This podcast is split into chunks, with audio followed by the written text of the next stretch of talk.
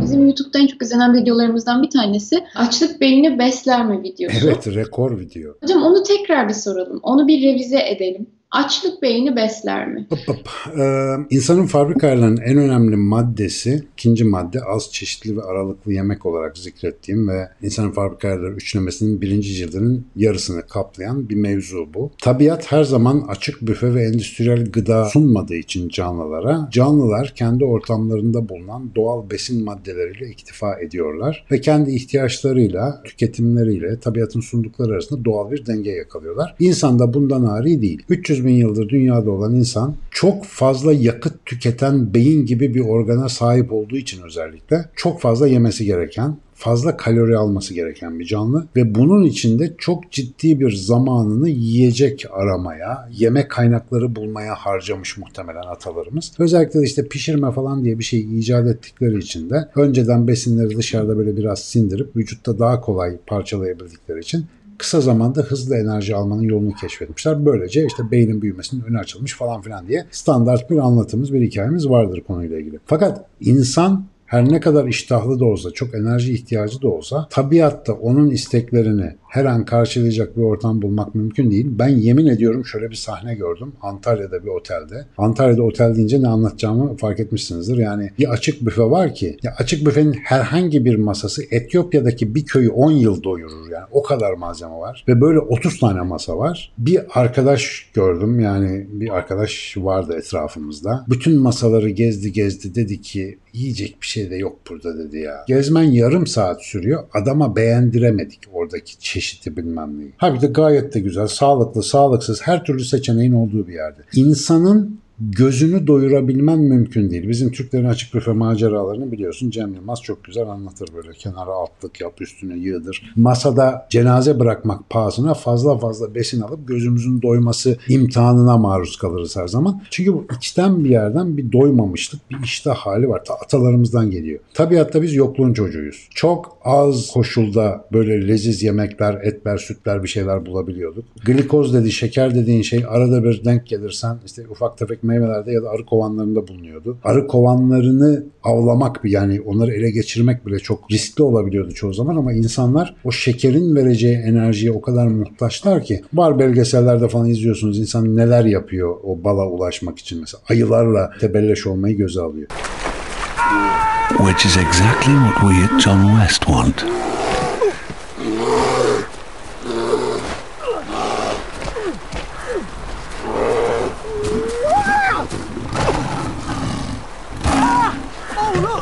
go! Şimdi tabiatta bu kadar yoklukla mücadele ederken e, sürekli tabii aç gezmek gibi bir kaderin var ve aç kaldığın zaman da normalde ne oluyor bizim modern insana? Aç kalınca böyle bir tepesi atıyor, siniri bozuluyor, performanstan düşüyor falan. Atalarımızın böyle düşük bir performansta tabiatta hayatta kalmasını beklemek saçmalık. Dolayısıyla şöyle bir şey olmalı diye hipotez kuruyoruz. Yani açlığı acaba vücutları için avantaja çevirmeyi bir şekilde becermiş olabilirler mi acaba diye bir düşünce geçiyor aklımızdan. Tabi zaman makinesine binip geçmişe gidemiyoruz. Ne yapacağız? Bugünkü insana bakacağız. Atalarının böyle bir özelliği varsa bunlarda da benzer bir şey olabilir diye.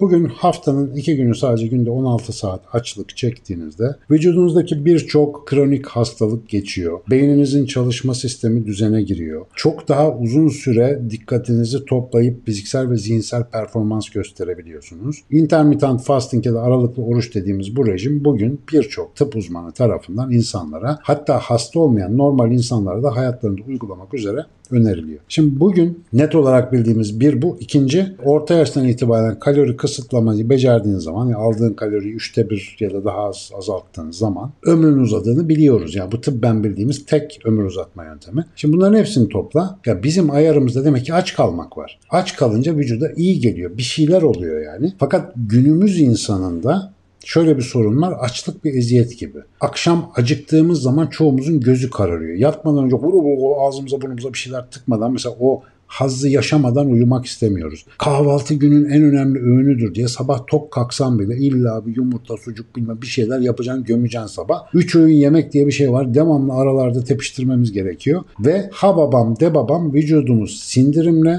yükselen ve düşen kan şekerinin dengesini bulmakla falan günlerimizi heder edip geçiriyoruz. Halbuki günde 16 saat aç kalmak demek bunu insanlar hayatlarını oturtmaya başladığında görüyorlar. Gerçekten 10 küsür saat aklına yemek gelmeden yaşayabilmek demek. Fiziksel olarak gayet üstün performans gösterebilmek demek zihinsel olarak oldukça keskin bir performansa sahip olabilmek demek. Bunu deneyimleyen herkes zaten birebir görüyor. Çünkü atalardan gelen açlığı avantaja çevirme bugünün modern insanının aynı daha önce konuştuğumuz sezgisel devreler gibi kullanmayı unuttuğu bir yetenek. Ve biz yavaş yavaş onun yerine açlığı katlanılmaz bir sıkıntı olarak kodlamış modern zamanın insanlarına dönüşüyoruz. İşte sakinleşmek için eğer özellikle sigara, alkol falan gibi kötü alışkanlıklarımız da yoksa genellikle ağzımıza bir şeyler atıp çiğneyip yutma yolunu seçiyoruz.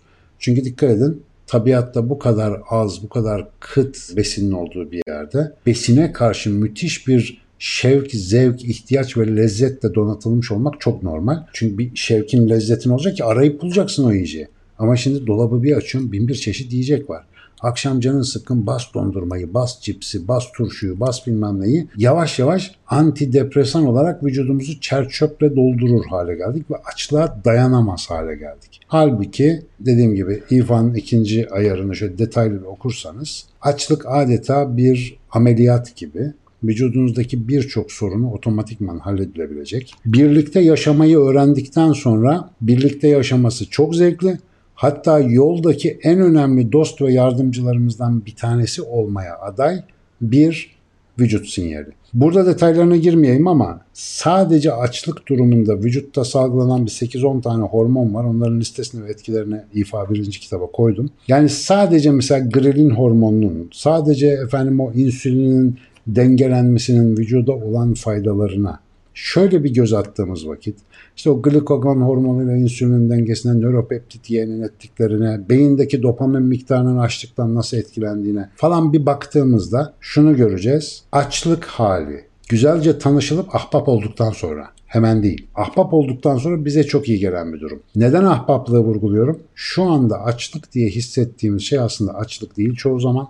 Eğer günde 3 öğün yemek yiyorsak, yani öğle yemeğinden sonra akşam acıkmamızın tek sebebi kan şekerimizdeki suni düşüşe bağlı olarak yiyecek bağımlılığı yoksunluk reaksiyonu. Yani hemen bir daha midemize bir şeyler doldurma, o lezzetleri bir daha alma konusunda bir bağımlılık refleksimiz var. Biz bunun adına beslenmek diyoruz ama aslında beslenmek değil vücudumuzu maalesef çer çöple doldurmakla uğraşıyoruz. Vücut mideyi ne kadar boş bırakırsanız gün içerisinde kafa o kadar iyi çalışıyor. Bu arada internette 7 günlük 10 günlük açlık su rejimleri falan var. Coşmayın böyle bir şeyin sağlıklı olduğuna dair hiçbir kanıtımız yok. Günde en az bir kere yemek yiyeceksiniz arkadaşlar. Bu el mecbur yani bu yenecek. Onun da saatini cinsini kendinize göre ayarlarsanız çok akıllıca bir şey yapmış olursunuz. Açlık beyni besler hatta beyni en iyi besleyen şeylerden bir tanesidir diye konuyu bağlayayım. Hocam burada bir şeyden bahsetmemiz gerektiğini inanıyorum. Geçmişte atalarımızdan kalma bir şey olarak bahsediyoruz. Bunun uygulanması için sadece açlık beyni besler deyince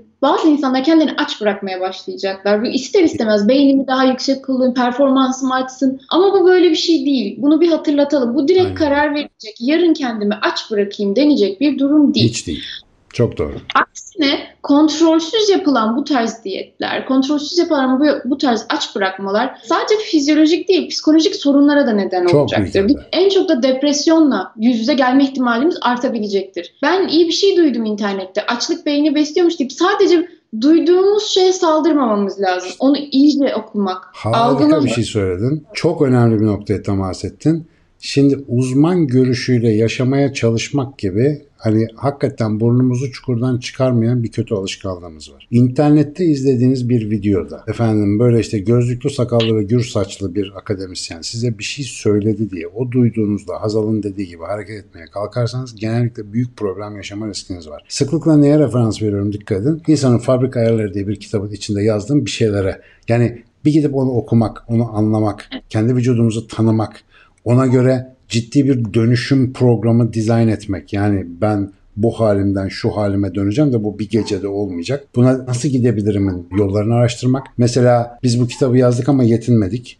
Açık Beyin içerisinde bu konuda başta sevgili İlker Çağlayan olmak üzere birçok eğitimci arkadaşımızın nasıl, how to eğitimleri var. Yani Nasıl yapacağım da ben bu dönüşümü sağlayacağım? Mesela hakikaten böyle karbonhidrat bağımlısı tatlıyı çok seven bilmem ne birisi ben bugün tatlıyı kestim gündüz de yemek yemeyeceğim diyorsa üçüncü gün cinayet işleme riski var. Ya da düşüp bayılır bir sürü problem yaşayabilir. Vücutla böyle oynanmaz. Biz kalıcı bir yaşam tarzı değişikliğinin gerekli olduğunu ve bunun da öyle bir gecede olmayacağını uzun uzun anlatmaya çalışıyoruz. Aynen Hazal'ın hatırlattığı gibi bu bilgi bizi öğrenmek ve dönüşmek üzere harekete geçirmekte işe yarıyorsa faydalıdır. Yoksa ben bir şey duydum abi bundan sonra aç gezeceğim bu akıllıca bir karar değil. Benim bu konudaki dönüşümüm 3-4 yıl almıştır. Yani şu anda da tam %100 ideal dönüştüğümü söyleyemem ama kendimce çok şükür daha iyiyim eskisine göre. Yemeklerimi azalttım ama bunun için çok ciddi olarak fizyoloji bilgimi masaya koyup uzmanların dediklerine şöyle bir bakıp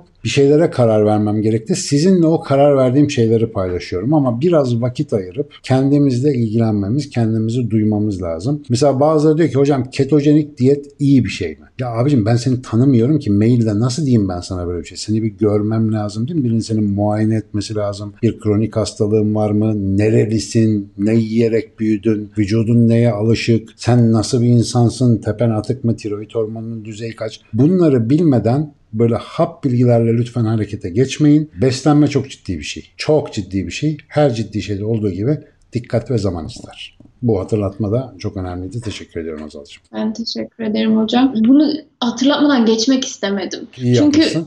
Çünkü ben biraz böyle hep böyle anlatıp kitaba referans veriyorum ama video tüketim çağında bunu sıklıkla hatırlatmamız gerektiği çok doğru. Ben arada bir unutabiliyorum. Bak niye Hazal'la yapıyorsun? İşte bu yüzden yapıyor. Bak boşuna o kadar emek verdik. Çocuk ne? Cin gibi oldu bak. Hemen yakalıyor.